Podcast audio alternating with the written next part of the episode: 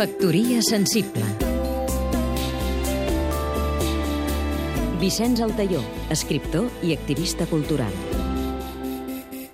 Catalunya és el centre d'atracció de tot un món que veu en ella una esperança i un principi.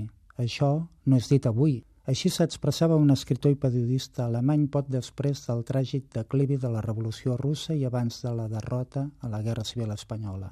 Amb el franquisme s'acabà un d'aquests períodes històrics, afirmava Simon Bell, sobre els quals hem llegit en els llibres i s'assumia a la infantesa siguem clars, amb la victòria franquista es derrotar una revolta social i també un ideal catalanista modern.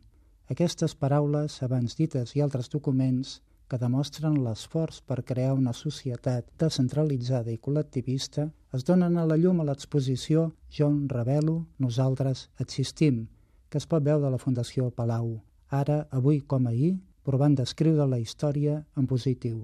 És doncs, a la Fundació Palau a Caldes d'Estrac, on es troba aquí la representació artística i de pensament de la creativitat d'avui alternativa i dissident.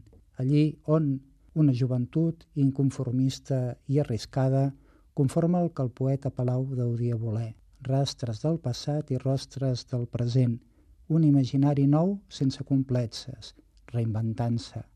Cal en si estructures d'estat, però cal, sobretot, llocs d'emergència. L'exposició Jo em revelo, nosaltres existim, dona acollida a col·lectius, associacions, artistes i pensadors que estan inventant i definint els nous models de vida en comú. Factoria sensible Seguim-nos també a catradio.cat